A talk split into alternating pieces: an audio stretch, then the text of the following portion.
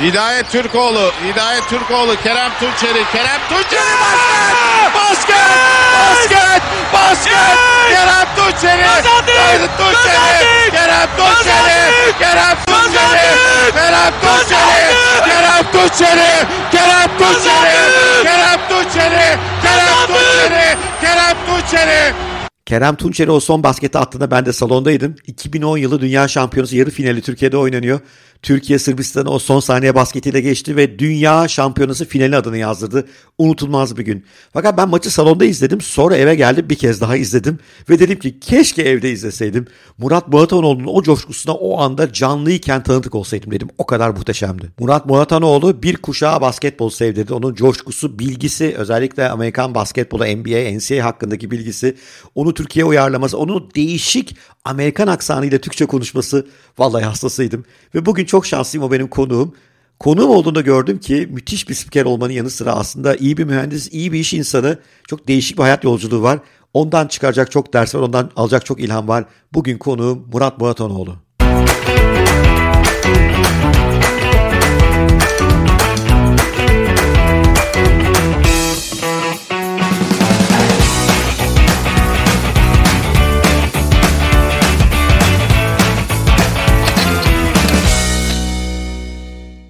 Bugün 8 Ekim 2021. Ben Bora Özken 275. podcast'ında Murat Muratanoğlu'nu konuk ediyorum.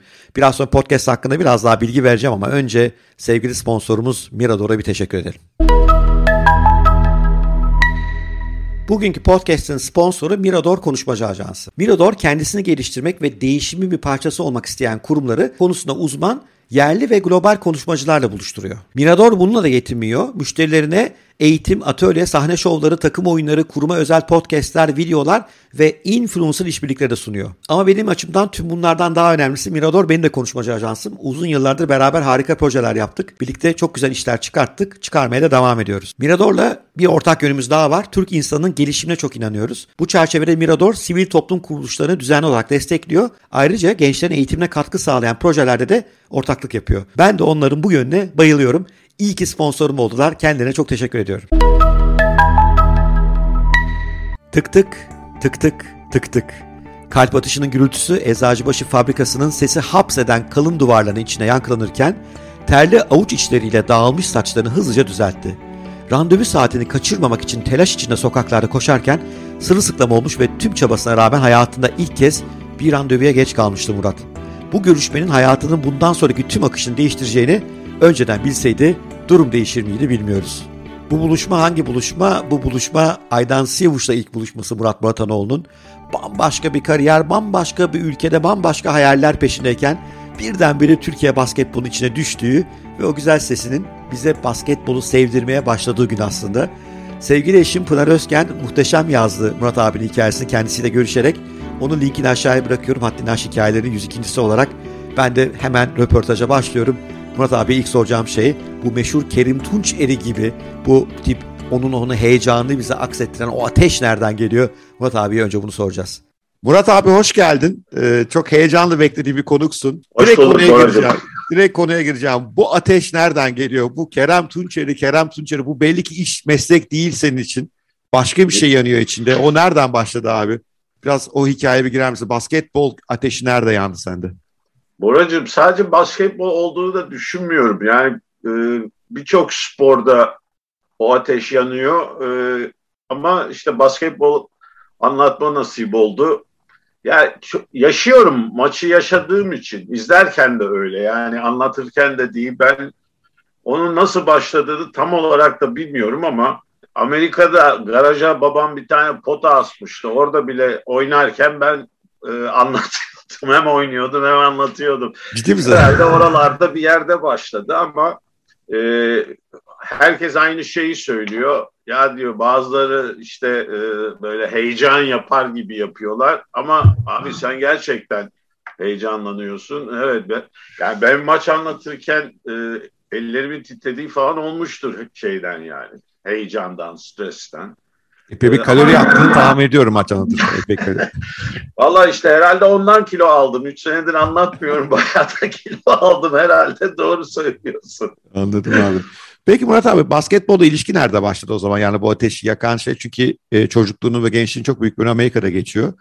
E, nasıl başladı basketbol ilişkisi? Babanın potası dışında bahçeye astı. Ya pota daha sonra geldi. Şimdi e, pota geldiğinde biz e, çok iyi bir mahalleye tanış, e, taşınmıştık. İlk üç yıl e, biraz böyle göçmenlerin olduğu e, hmm. bir mahallede oturduk. Orada zaten pota mota yoktu. E, okulun bahçesi vardı. Orada işte bir sürü e, basket sahaları, tenis sahaları hepsi vardı. O Amerika'da ortaokulda, ilkokulda bile mevcut oluyor genelde. Ya biz ilk gittiğimizde babam bizi spor kamplarına falan yolluyordu. İngilizceyi bir an önce öğrenelim diye. Herhalde or, oralarda başladı. Ee, bütün çevrem taşındıktan sonra bir şekilde mutlaka sporun içindeydi. Ee, bizim eve yakın bir iki tane park vardı. Çok ciddi maçlar dönerdi orada. Sadece e, basketbol değil, Amerikan futbolda özellikle de kar yağdığı zaman ki Chicago'nun karları biliyor, karı meşhurdur. Yani e, Amerika'da okuyup e, nispeten iyi bir mahallede yaşayıp sporla iç içe olmak olmamak bence mümkün değil. Yani hakikaten spora bir alerjin olması lazım e, onu yapabilmek için. Hayatım boyunca hep böyle en güzel şeylerim sporda olmuştur. Hmm. Ee, bizim o grup mesela Chicago'nun o zaman şimdi herhalde emekli olmuştur. Ben bu yaşa geldiğime göre bir tane talk show'u vardı radyoda. Ee, El bir şeydi adamın şimdi so İtalyan bir adam. Herkes onun programına çıkmak için sıra beklerdi. Bir yıl sonra falan beni ve iki üç arkadaşımı şeye almıştı hafızaya. Hmm. Ee, hiç sıra beklemeden direkt bize şey yapıyordu, programa alıyordu.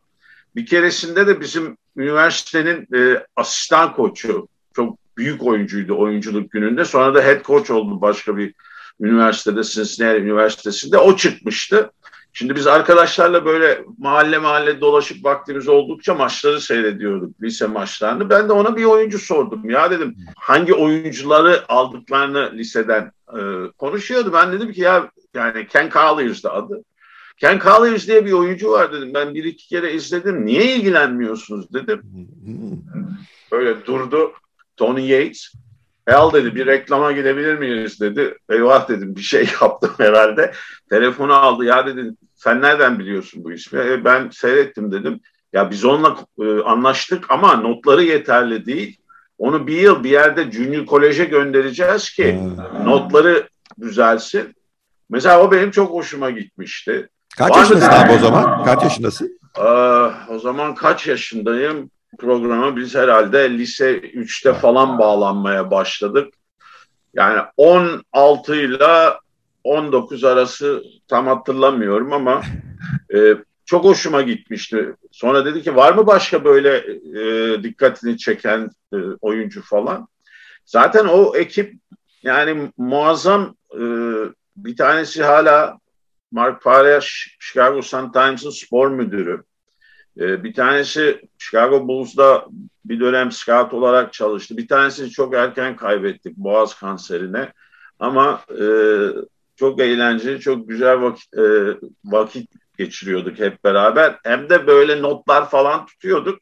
Hatta yani senin babam o zaman o zaman belli olmuş sen sadece yani oynamak değil esas senin ateşin bunun bilimine, ilimine, oyuncu seçmesine yani delilik oralarda galiba. Yani gidip lisede ah, birisine tabii, gidip bir koça şu oyuncuya bak demesi ve doğru oyuncu tutturmuş olması ki yani eminim 50 kritere göre oyuncu seçiliyor o takımı. Ee, senin başka bir merakın var. Yani bu biraz mühendislik yönüne de ilgili olabilir mi? Çünkü sen aslında e, daha sonraki yıllarda mühendislik eğitimi alıyorsun. Bağlantı var mı sence bu teknik? Ya Boracığım ben e, spor için sadece basketbol için değil ama spor için tuttuğum istatistikleri, yaptığım hmm. araştırmaları mühendislik için yapsaydım şu anda herhalde dünyanın sayılı mimarlarından ya da inşaat mühendislerinden biri olurdum. Ee, ya tutuyorsun, zaten, kaydediyorsun sen her şey öyle mi? Sürekli veri var. Şimdi o zaman böyle şeyler yok. Computer, hmm. internet falan. Hep kitaplar, notlar. İşte e, konferans konferans e, oyuncuları ayrı ayrı tutma falan. Babam da hatta şey demişti oğlum dedi ya çok güzel tutuyorsun el yazım da güzeldir benim.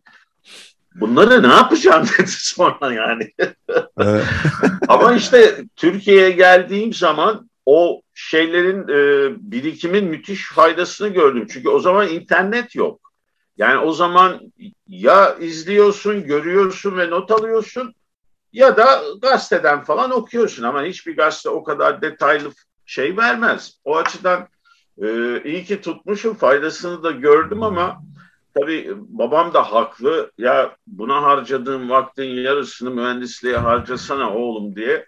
O da sistem ediyordu. Mesela e, kardeşim benim bir ufam o da Illinois mezunu. E, Illinois hala inşaatta dünyada bir numara bildiğim kadarıyla. O mesela müthiş notlarla falan mezun oldu. Çünkü onun böyle bir spor şeyi e, merakı yoktu. Yani çok iyi sporcuydu ama merakı yoktu.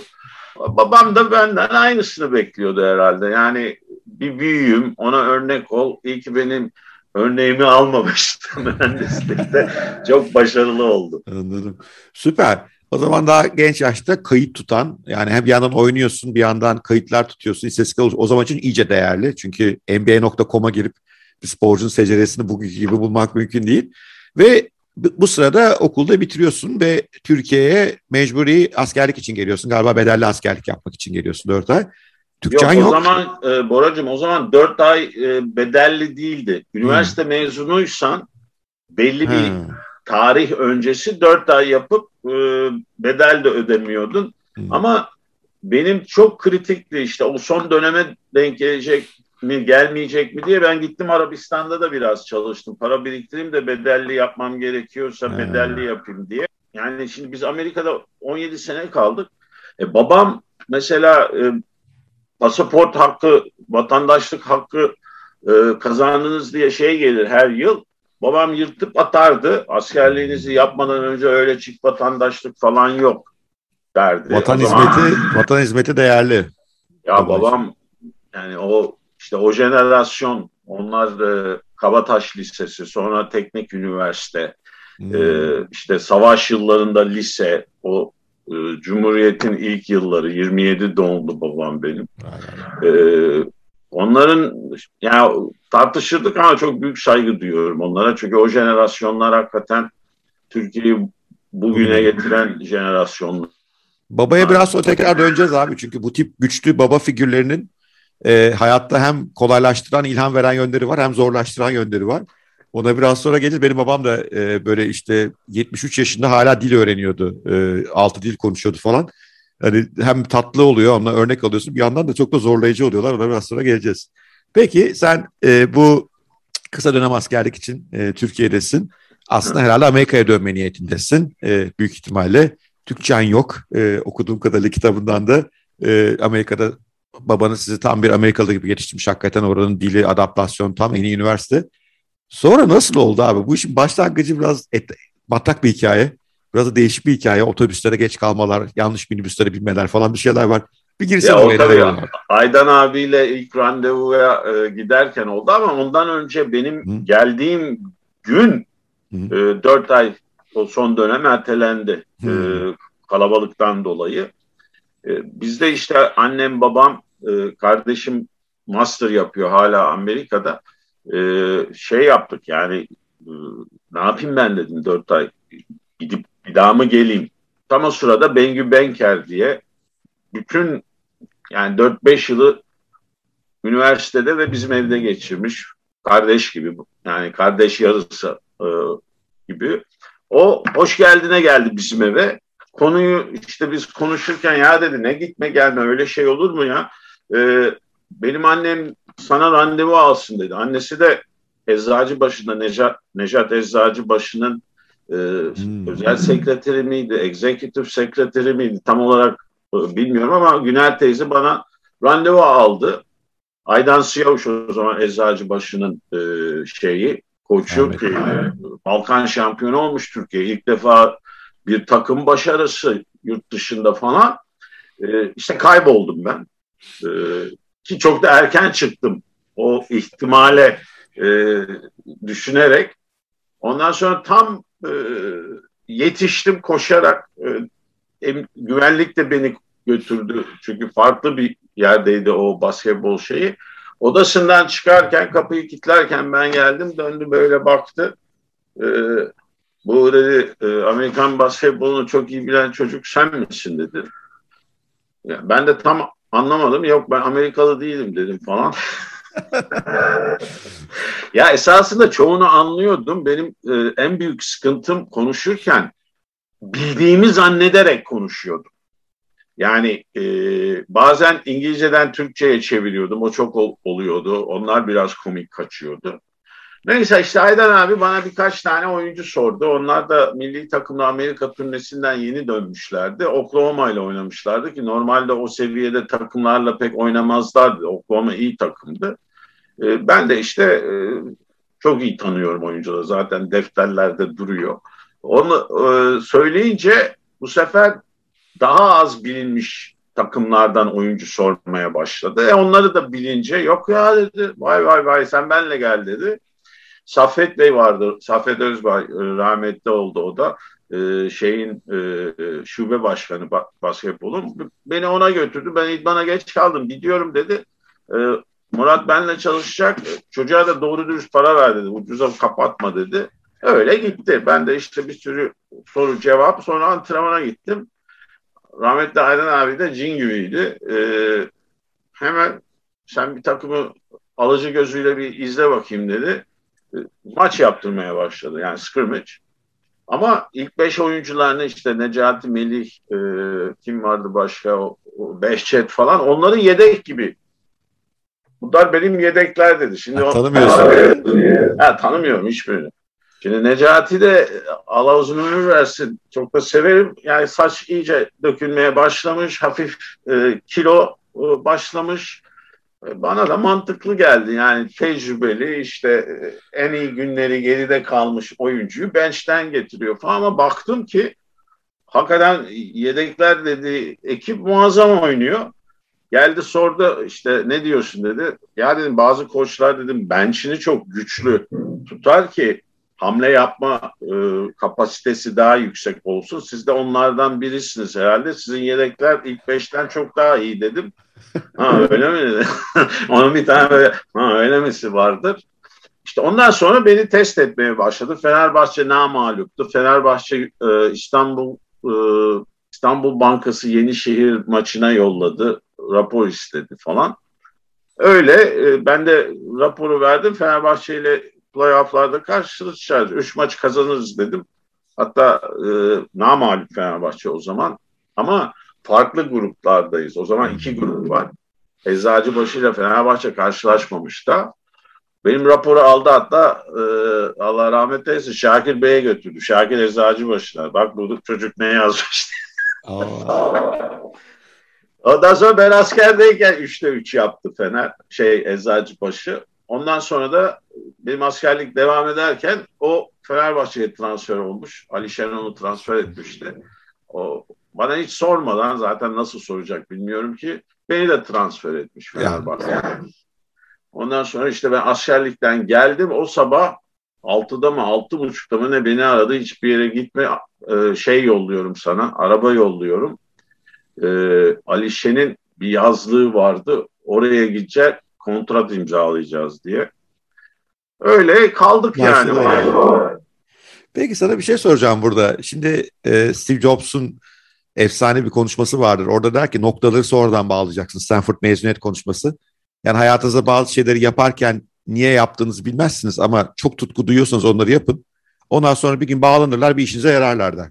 Ee, sen bu notları tutarken e, bunu bir gün bir işe yarayacağını düşünüyor muydun? Çünkü hani çocukken ben mesela hatırlıyorum kapının önünden geçen arabaların modellerine göre ayırırdım. Murat 131 Şahin falan. Ne bileyim kendime göre niye yapıyordum bilmiyorum. Hani erkek çocuklara vardır böyle bazı şeyler. Sen hiç böyle bir hayalin var mıydı bu bir yere varacak mı diye yoksa sadece gerçekten çok ateşten dolayı mı yaptın mı yani tutkudan dolayı mı? Ya yani hiç öyle bir şey çünkü yani Amerika'da o işe girmek hiç kolay değil. Hele yani benim soyadım e, söylemeleri zaten mümkün değil. Evet aksanım yoktu ama e, gerçi şimdi mesela YouTube kanallarında ailesi göçmen olan öyle şeyler var. Yorumcular, spikerler var ama o zaman pek yoktu. Hiç aklımın ucundan bile öyle bir şey geçmedi. Bu tamamen e, tahminler üzerine mesela draftlere çok e, ciddi hazırlanırdık o grup. Draftlerde senin notlarından çıkardığın bir şey doğru çıkarsa mesela o müthiş bir mutluluk veriyordu. Bunun bir e, şeyi yoktu. Başka bir e, maddi veya istikbal açısından bir düşüncem yoktu. Biz öyle e, 4-5 kişi birbirimizi zorluyorduk. E, başarılı olduğumuz zaman da tatmin oluyorduk, eğleniyorduk, dalga geçiyorduk öbürleriyle. Tamamen Ama, öyle bir şeydi yani. Kişisel yani aslında buradan belki gençlere, bizi umarım bugün gençler de izliyordur kanalda epey çok var. Tutku ne varsa onu bir yapın siz ya onu bir sonuca bağlamanıza gerek yok. Ondan çok keyif alıyorsanız o sizi belki ileride bir yere sürükleyecektir. Mesajını çıkarabiliriz ve böyle bir arkadaş çevresinde olması yani bir ortak tutkulu arkadaş çevresinde olması da onu güçlendiriyor aslında değil mi? Reinforce ediyor daha da onu severek yapıyorsun. Tabii tabii. Yani o benim en büyük şansım da o grubun içine düşmem taşındıktan sonra ama yani e, tutku müzik olabilir, e, kitap yazma, şiir, her şey olabilir. Tutkulu olduğu zaman gelecekte ben bunu ne yapacağım diye zaten düşünmezsin. Yani o e, self satisfaction dediğimiz kendini mutlu etme, kendini tatmin etmek e, şeyi e, benim lise sona kadar devam ettim. Ben e, şark müzikle 60'lı 70'lerin müziğini çok severim. E. Müzik e, spordan sonra da müziktir herhalde ikinci şeyim. Şarkı sözleri yazıyordum. E, şi- şiirsel ama kafamda bir ritim falan oluyordu. Ondan sonra Türkiye'ye döndükten sonra Instagram hesabında biz üç kere taşındık. E, unutmuşum ben onları. Sonra e, bizim hanım dedi ki Aa, bak ne bulduk dedi. Baktım hakikaten acayip şeyler yazmışım. Yani acayip dedim acayip yani acayip güzel değil. Orada bir tane bir ara belki e, Bora senin yaşın fazla genç olabilir hatırlamak için e, rock operas, rock and roll operaları çok e, şeydi, modaydı. Evet. The Who, Tommy, e, Ondan sonra Genesis, Lamb Lies on Broadway falan. Öyle bir şey yazmışım ben. O boyutta yani öyle bir şarkı değil. Opera. Sözleri. Şiir gibi. Yani Şiir. E, bu bayağı uzun ama opera gibi. E, ondan sonra şey Instagram'da e, ya dedim şunu bir gireyim dedim. E, girdim. E, bir tane takipçileri takipçilerimden bir tanesi de eskiden e, rock and roll grubu varmış. Şimdi evli, çoluk çocuk sahibi, normal bir işte çalışıyor. Abi dedi izin verirsen dedi benim İngilizcem bu kadar iyi değil ama bana en basit şeyi söyle. Kafanda da nasıl bir şey vardı? Bir deneyeyim dedi. İşte 3-5 gün sonra arkadaşları toplamış. Bayağı da güzeldi. Ondan sonra ya dedim bir tane daha yapalım. O, ama ikinciyi, e, ikinciyi de yaptı. Üçüncü de şey oldu. İşte e, Pandemi de araya girdi falan filan. Ee, öyle kaldı ama öyle iki tane sözlerini benim yazdığım şarkı var şimdi. Yani her an bir, bir müzik dünyasında da ortaya çıkacak gibi gözüküyorsun şu anda bu yaşta bir sürpriz olabilir. Vallahi yani. muazzam. Peki abi şimdi e, Aydan Sevuş'la böyle bir ilişki başlıyor. Fenerbahçe'ye e, gidiyorsunuz beraber. Babam biraz orada bildiğim kadarıyla biraz endişeli artık. Çünkü onun senin için evet. kurduğu hayaller başka. Sonra bir Aydın Hoca galiba başka bir yere transfer oluyor tekrar. Bu sefer baban artık isyan ediyor. Aydın Hoca da bir posta koymuş Allah rahmet eylesin değil mi? Biraz hani vermiyorum oğlumu gibi. Biraz orada ya. ne oldu? Çünkü baba figürün çok kuvvetli ve o dönem babalarını yani bu benim babam İstanbul Üniversitesi mezunu işte seninki İTÜ o dönem özellikle bu İTÜ'ler bu mühendis kafalı tamam mı? Bu ülkenin işte o Atatürk'ten almış büyüteceğim, demir yollarını düşeceğim falan yani hakikaten başka bir mentalitede insanlar ve meslek anlayışları elbette başka. Sen de olmayan bir mesleğin peşindesin e, ve Türkçen yok.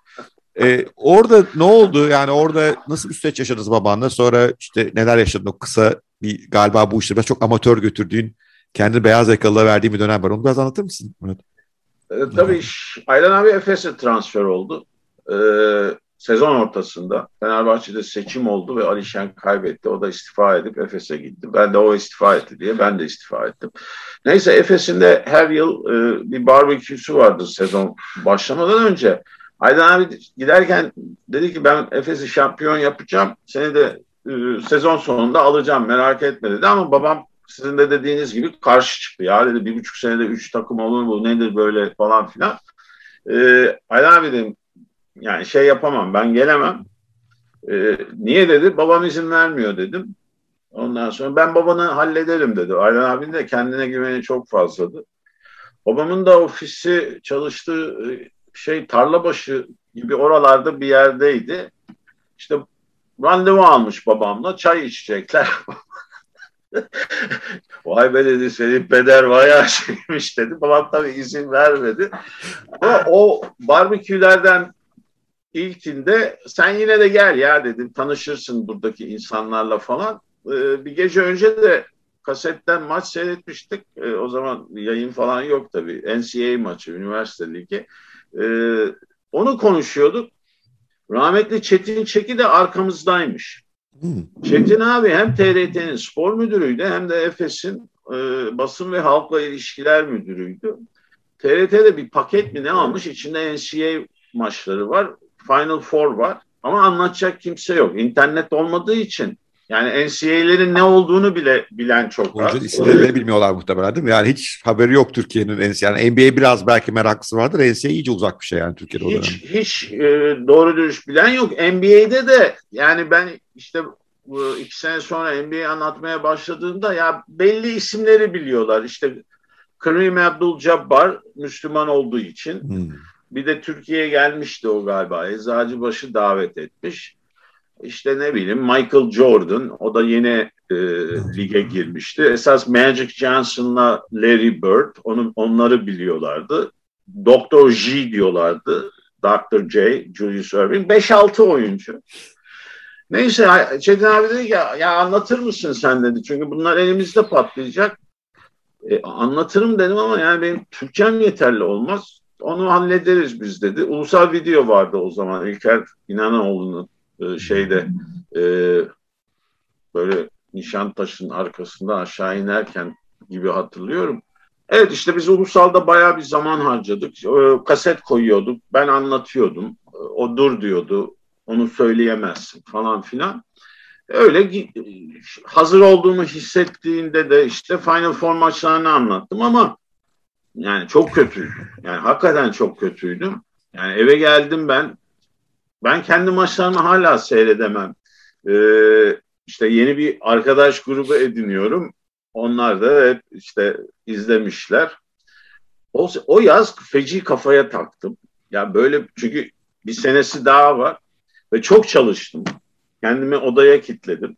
Ya o sırada abi beyaz yakalıkla çalışıyor musun bir anda? O, o arayı tam Şimdi biraz anlamak adına soruyorum. Şöyle e, Fenerbahçe'den sonra ben Efes'e gitmeyince mühendis olarak çalışmak istemediğimi babama hmm. söyledim. O hmm. rahmetli Şarık Taray'ı falan çok iyi tanıyordu. Hep hmm. İstanbul dışı e, hmm. işler vardı. Yani İstanbul'da kalmak istiyorum. Şey yapmak istiyorum yani biraz da tanıyayım İstanbul'u. Yani. Türkiye'yi tanıyayım. Ondan bir dönem ben e, şeye girmeden önce, Paşa Bahçe'ye girmeden önce işte iş arıyorum ama iyi bir şey olsun istiyorum. Erbit diyor bir e, video şeyi vardı. O zaman yurt dışından film geliyordu. Ben film tercümesi yapıyordum. Hmm, çok Ve çok hızlı yaptığım için de bayağı güzel para kazanıyordum. Ama ondan sonra baktım bana verdikleri filmlerde hiç hareket yok. Hep konuşma. Tears of Endearment vardır. Shirley MacLaine, Jack Nicholson, Deborah Winger. Ondan sonra bıraktım yani. Bu kadar uzun da olmaz dedim. İki buçuk saat.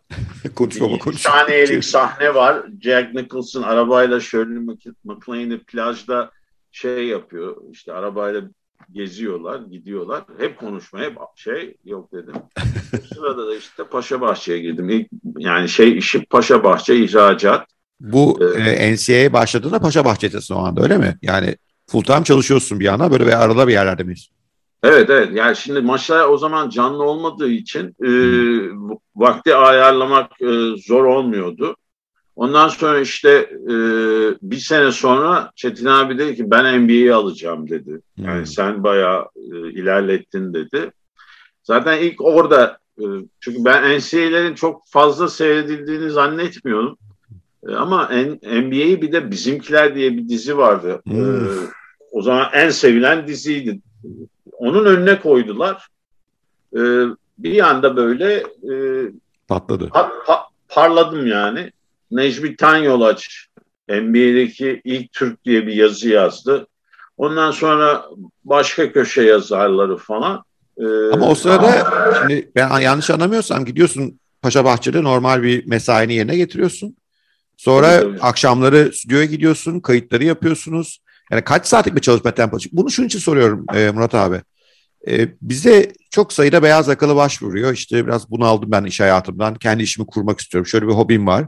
Ama vakit bulamıyorum diyor. Biz de onları hep yani yapacak bir şey yok. Geçiş dönemi. Yani çünkü aniden beyaz yakalı bırakmak çok zor. Parasal anlamda, işte çevre ne der anlamında.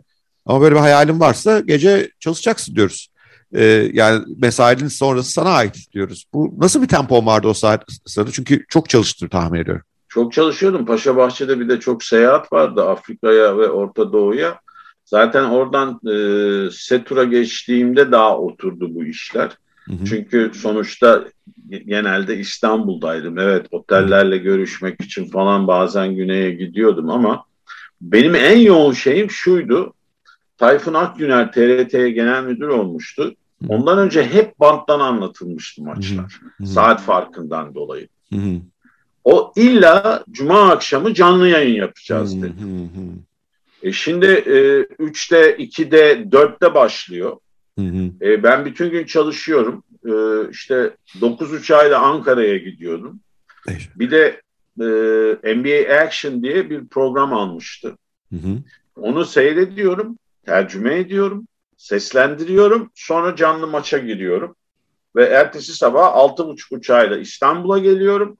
İşte o zaman bu özel televizyonlar da başlamıştı doğru hatırlıyorsam. Bir, belki ilk yıl yapmadım ama ikinci yıl İsmet abiyle sonra Abdi İpekçi'ye gidip maç anlatıyordum. Ha, canlı maça da gidiyorsun tabii. Türkiye'den tabii, de maç tabii. anlatıyorsun Türkiye şu an. Rahmetli başladı. İsmet Vadem, rahmet, Allah rahmet eylesin. Allah rahmet eylesin, nur içinde yatsın.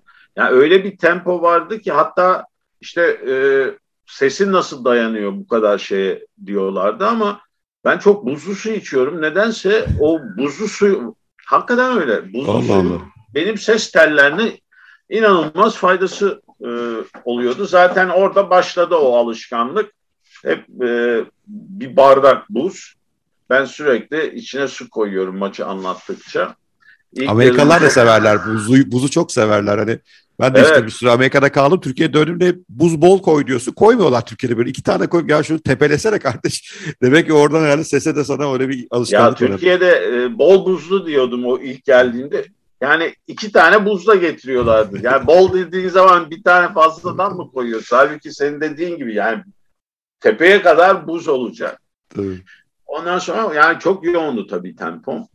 Ama e, ya bizim aile düzenimiz e, rahmetli peder işte biz Lincolnwood'a taşındık. E, babam ilk defa borçlanıp işte mortgage e, işine girip ev almıştı. bu, bu evin parasını anneniz, annem de çalışıyordu. E, kütüphanede çalışıyordu.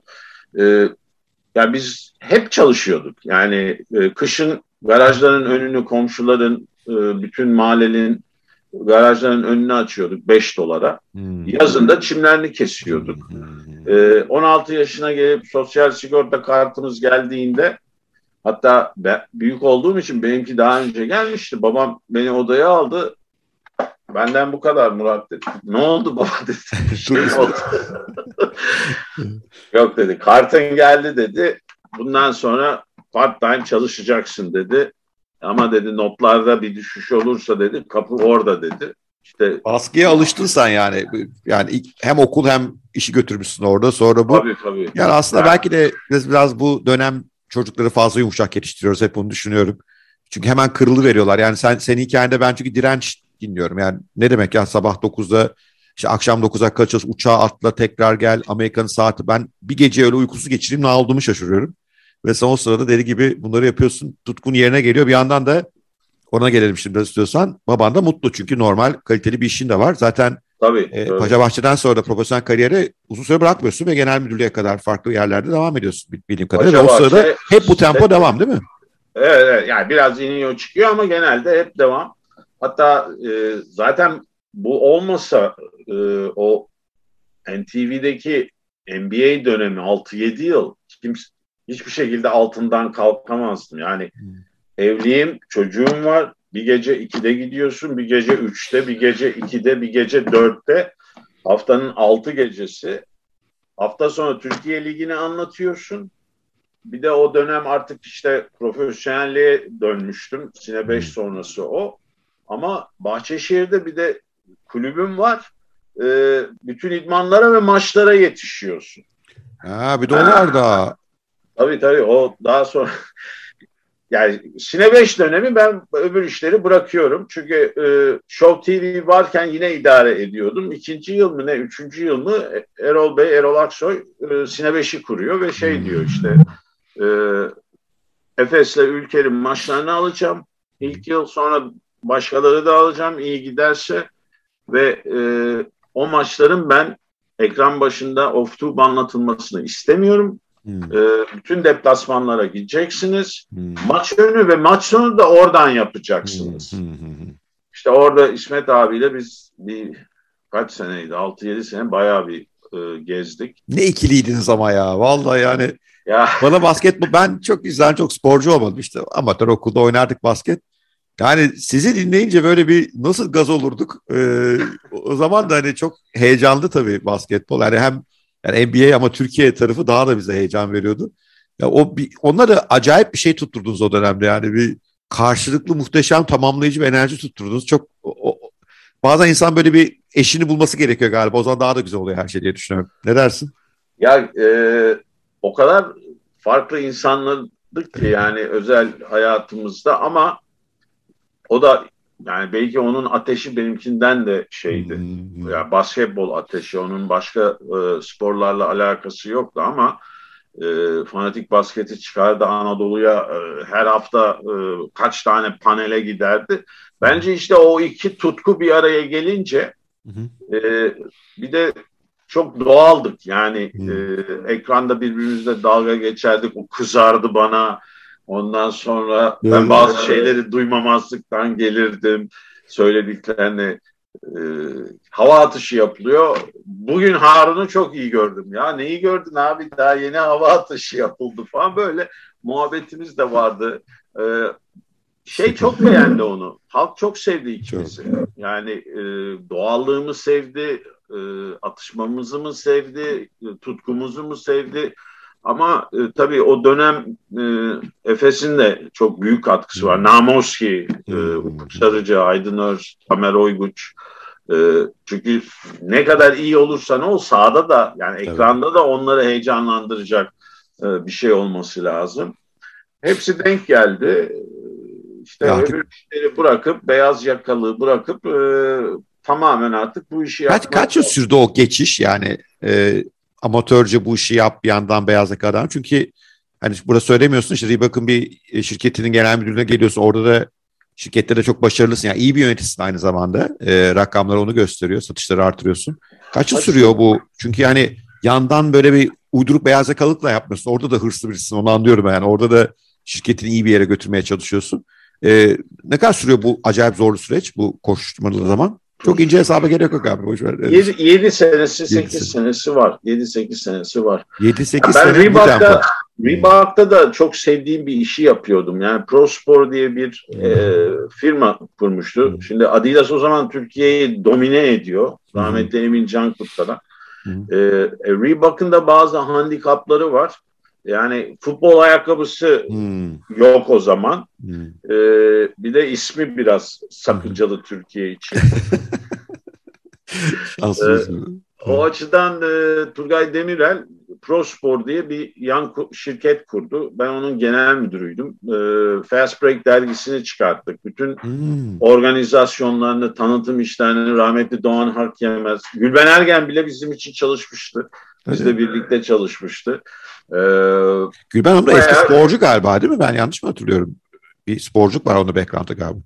Valla e, tam olarak bilmiyorum ama o bizim derginin reklam müdürüydü. Hmm. Çok e, iyi reklam e, şey vardı, e, topluyordu.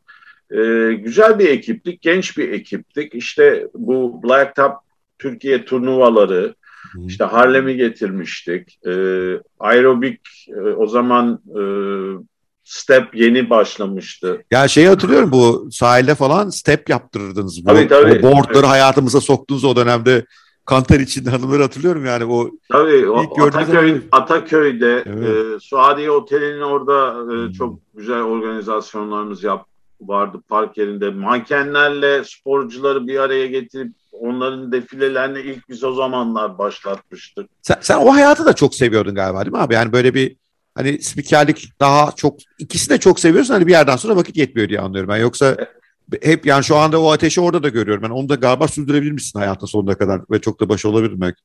Ya şimdi e, spikerlikte işin içine seyahat girdiği zaman Hmm. yani hele Avrupa Hmm, e, kopuyor bir de bir takım da değil. Yani belki e, programını ona göre ayarlarsın. Atıyorum Ülker'le gidip Ülker'le Hmm, gelsen işte iki gün, üç gün. Hmm, Ama İsmet abiyle biz Efes'i anlatıyorduk. hmm, Efes dönüyor. Biz bir yere gidip Ülker'i, Tofaş'ı anlatıyorduk. hmm. Yani hep böyle bir hafta boyunca, beş gün boyunca dışarıdaydık. E o zaman yani mümkün değil.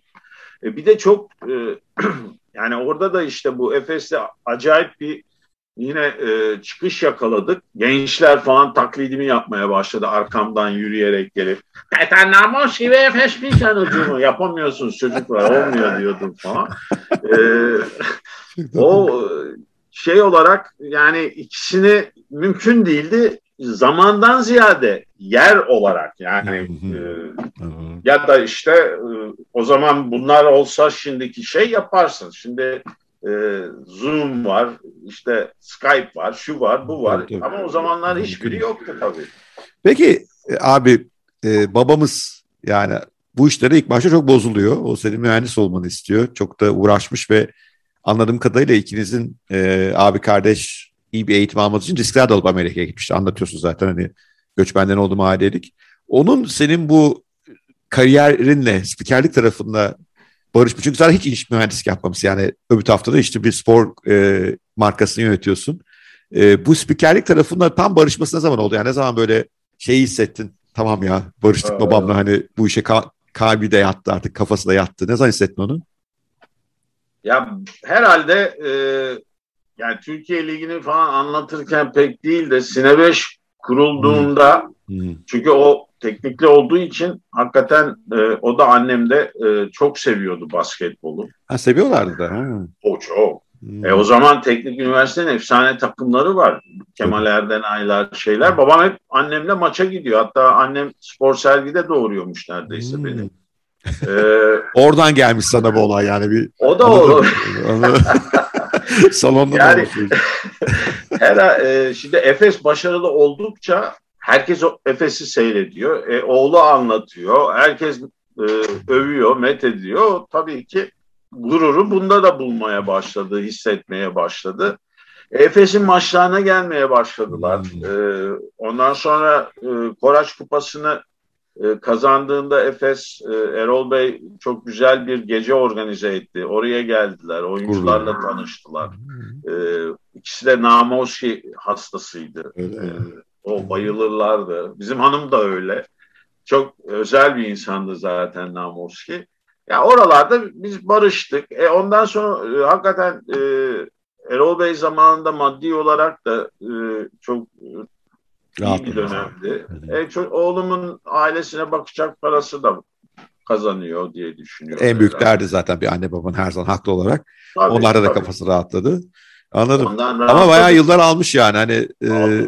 oraya kadar seni gerdiğini tahmin ediyorum biraz. Hani bir, Yani e, rahmetli e, inatçıydı öyle söyleyebilirim. Duruşundan da yani gri hiç yoktu. Belki ilk defa gri bölgeye girdi hayatında. Her, her şey ya siyah ya beyaz e, olmuş onun hayatında. Ama şimdi e, çok takdir ediyorum. Keşke ben o kadar iyi bir baba olsam diye de düş olabilseydim diye de düşünüyorum şimdi yani hakikaten. İnşallah.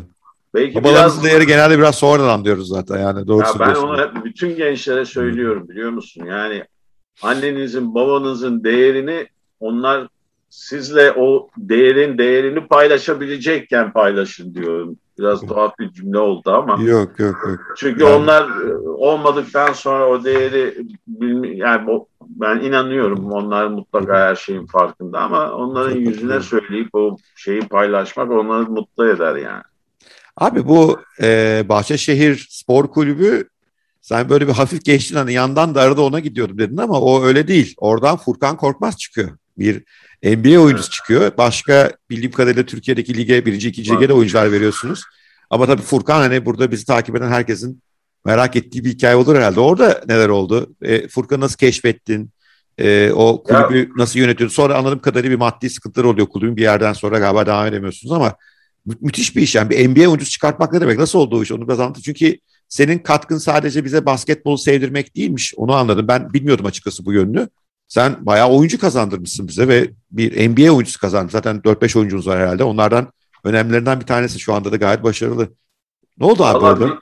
Bizim e, Boracığım yanılmıyorsam 8 tane ya da 9 tane oradan profesyonel oyuncu çıktı.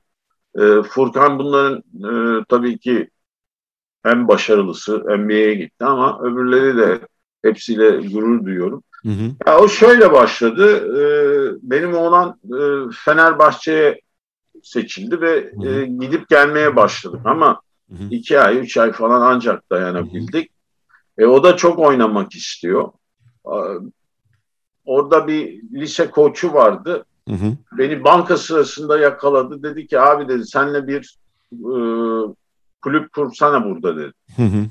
Tam o sırada ben Mert'e ne yapacağız diye düşünüyorum. Öyle başladı ama bir anda çok şey oldu. Yani belediye, Kemal Aydın o zamanki belediye başkanı Bahçeşehir'in e, çok destek verdi. E, Hı. bize salonumuz yok, hiçbir şeyimiz yok. E, Mercedes'in genel müdürü o dönem Çetin Atsür. Çünkü Mercedes'in sahası vardı ama bir anda o kadar hızlı büyüdük ki zaten Hı hı. orada benim yaptığım en büyük hata oydu. Hayır demesini bilmiyordum. Hatta e, yok hakikaten çünkü ben şöyle yani benim e, bir takım insanlara ters gelen düşüncelerim vardı. Mesela şimdi yıldız takım genelde ne oluyor? İşte 60 şey e, 97 98 Hı. doğumlular diyelim. Onlar birleşiyor bir takım oluyorlar.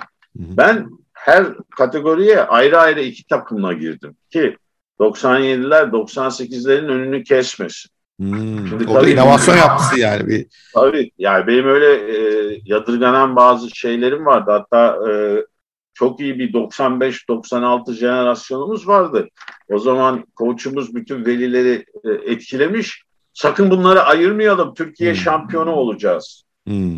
E, ya dedim yani Türkiye şampiyonu olsak ne olur, olmasak ne olur? Mesela o 96'lılardan da e, Tansu, Ayberk, başka var mı? 2-3 tane oradan, ha Serkan, birinci ve ikinci lig oyuncusu çıkmış.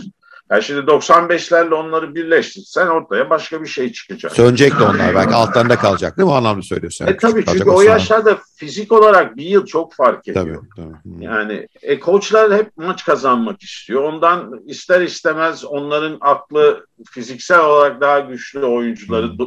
o maçı kazandıracak pozisyonlarda oynatmaya kayıyor. Furkan'ı nasıl fark ettin orada? Furkan'daki cevher nasıl ortaya çıktı? Ondan sonra Ya hikaye nasıl şimdi e, bizim e, koç Leyla koçlardan biri Leyla'ydı. Bu Hmm. e, Hidayet'i Kerem Tunçeli'yi falan e, Hmm. yetiştiren. O Efes'te ters düşmüştü. Benim e, şeyim vardı. Yönetim kurul bayağı Hmm. kuru- şey kurulu kurduk. Hmm. Oradaki veliler e, yani ben başkandım ama onlar e, karşı çıktığı zaman e, tartışıyorduk ve fikirlerini değiştirmezlerse başkanlığın sözü geçmiyordu. Yani Hmm. öyle dang yoktu. Tutturdular Leyla, Leyla, Leyla diye. E, ya benim de Leyla ile ilgili duyduğum özellikle İsmet abiden bir takım şeyler vardı ama sonunda oturduk, konuştuk. Belli kurallar koydum. Hepsini kabul etti. Biz Leyla'yı aldık. Şimdi Leyla inanılmaz etrafı tarıyordu böyle Hmm. o civarı. Furkan e, okul takımında oynuyormuş. E, işte kulüp takımlarına seçilememiş. Onun okul maçına götürdü beni. Hmm. Beğenecek misin diye. E, yani böyle tire gibi bir şey. ipince. E, ama ayaklar en büyük şey. Ayakkabılar. Büyük ayakkabı mi? E ya o çok inceydi. Yani şey böyle bu çocuk basketçi falan olmaz hmm. diyecek kadar zayıftı. Ama top eline çok yakışıyordu. E, maddi durumu ailesine çok parlak değildi, çok çalışkandı. Zaten babası şey dedi, hocam dedi ne zaman nereye istiyorsun sadece bana o tarihleri ve yeri, yeri söyle dedi. Leyla çok çalıştı onunla. O kendisi çok ilerlemek için çalıştı. Ve e, biz kaç yılıydı? Junior Lig şampiyonu olduk biz Efes'i yenip finalde. Furkan da o takımda e, en yedekti. Çünkü Efes'in e, başka takımların e, oyuncuları bayağı şeydi, fizikseldi ve e, maç kafa kafaya gidiyor. Biz 3-4 sayı öndeyiz. Hiç kimse böyle bir şey beklemiyor. Zaten ondan sonra basket uçtu. Çünkü e, Hürriyet bizi yarım sayfa haber, haber yaptı. Mahallenin çocukları diye. Daha sonra Fener'de e, Fener'e transfer oldu. Fenerbahçe biz bizden aldı onu. E, Giresun'da oynadı. Tansu diye bir oyuncumuz vardı. E, o şampiyonun en değerli oyuncusu seçilmişti ama sakatlandı. Hmm. Faal yaptılar. Çok sert bir faal. Sakatlandı. Şimdi kurallar nasıl bilmiyorum ama o zaman faal yapılan ve serbest atış kullanacak olan oyuncu sakatlanırsa ve maça devam edecek durumda değilse rakip takımın koçu gelip senin bençinden bir oyuncu seçiyordu. Bu kullanacak diye. O zamana kadar da Furkan hiç oyuna girmemiş. Bench'te en dipte benim yanımda oturuyor. Tamer Oyguç da Efes'in koçu. Hmm. Eski meşhur e, pivot. Baktı baktı. Ya dedi bu çocuk ufacık. Hiç oyuna girmedi. Onu seçtim.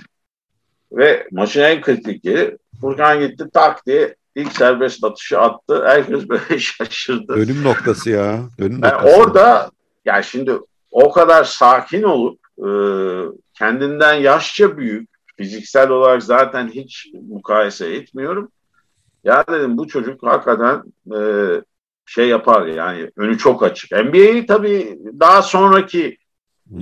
yıllar biraz daha Leyla ile e, hissetmeye başladık. Ee, biz hepsini e, Tansu da bizdeyken öyleydi. Ayberk de. Biz topu oyuncuya veririz. Yetenekli oyuncuya boyu, fiziği, yaşı hiç bakmadan top senin oyun kurucu gibi oynatırdık. Ve Furkan'ın bence o geleceğinde çok önemli bir yer oynadı. Hatta e, yine Efes'te bir kupa finali oynuyorduk e, Avcılar'da. Ben Turgay Demirel'i, Doğan Hakkemesi, e, bir de Nihat İziç'i davet ettim şu çocuğa bir bak diye.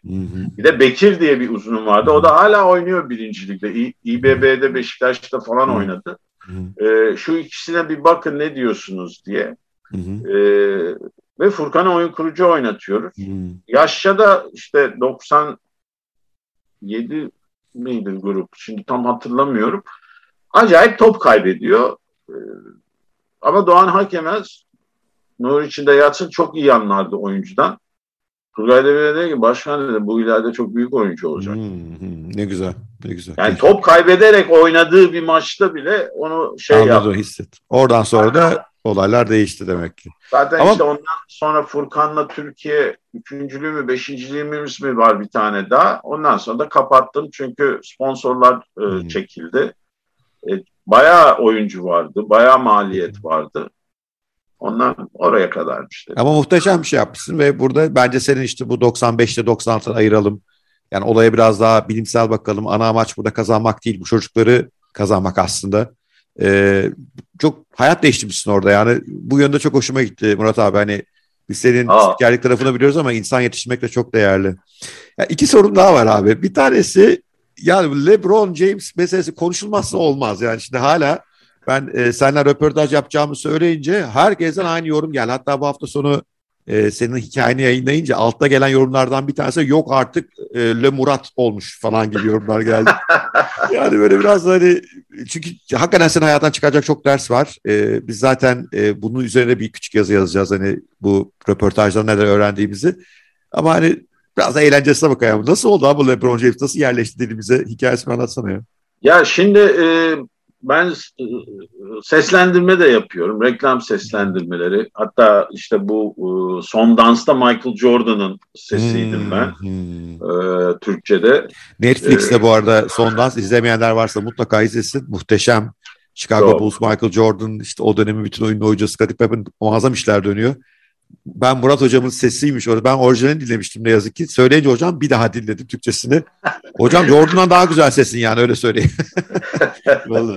ee, bu e, işte seslendirmelerden bir tanesinde de e, bir içecek şeyi için, firması için e, stüdyoya e, şu saatte git seslendireceksin çık dediler. Şimdi genelde e, orada bir ajans temsilcisi oluyor işte stüdyo sorumlusu falan.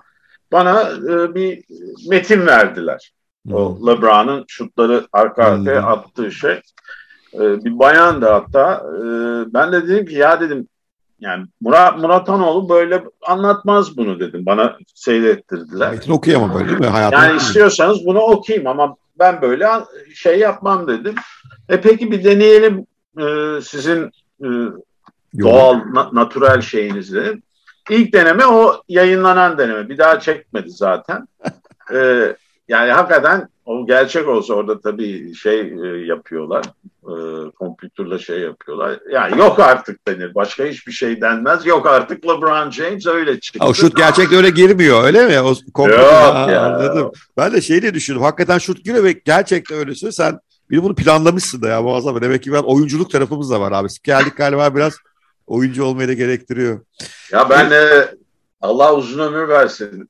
Hayatımın en önemli şeylerinden bir tanesiydi. Ee, Papatyam diye bir dizi vardı Metin Akpınar. Ona iki hafta konuk oldum. 2010 ee, Dünya Şampiyonası'nı tanıtmak amacıyla. Ee, o da onu dedi sen Nerede eğitim aldın dedi. Yok dedim yani öyle eğitim falan yok dedi.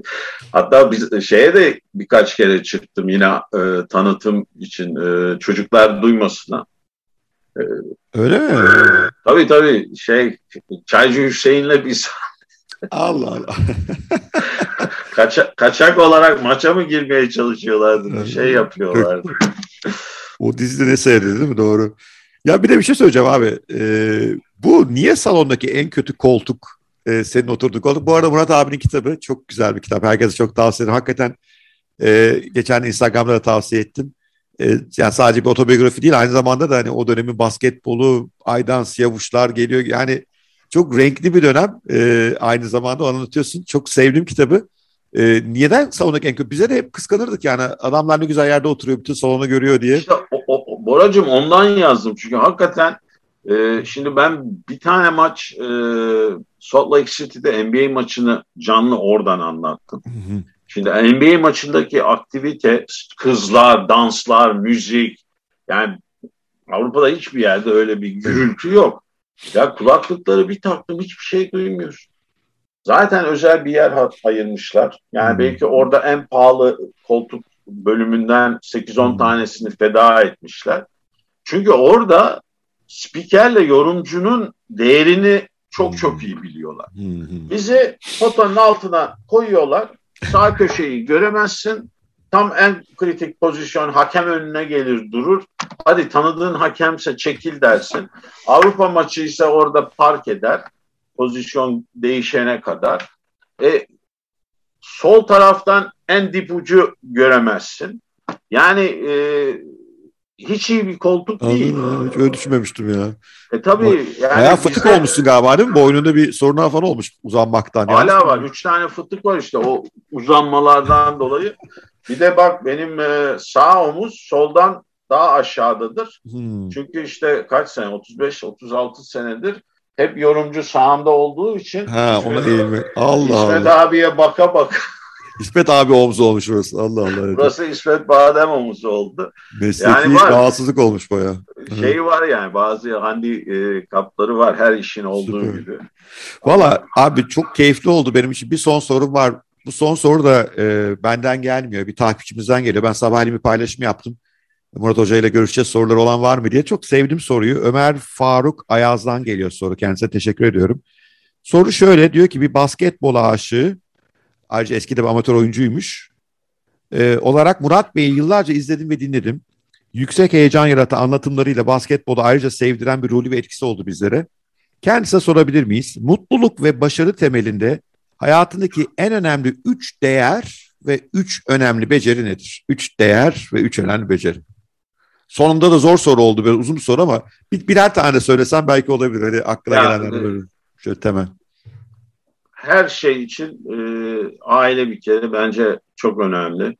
E, ben ailenin e, hmm. şeyiyken, çocuğuyken de bu öyleydi. Şimdi ailenin babası olarak da öyle. E, eşim özellikle e, zor dönemlerde falan müthiş destek veriyor. Yani o şey olduğu zaman e, her zaman sığınabileceğin liman olduğu zaman dışarıda e, deniz ne kadar fırtınalı ve şey olursa olsun biliyorsun ki onu atlattıktan sonra bir liman seni bekliyor. Süper. O hep seni motive eder, e, dayanıklılığını arttırır.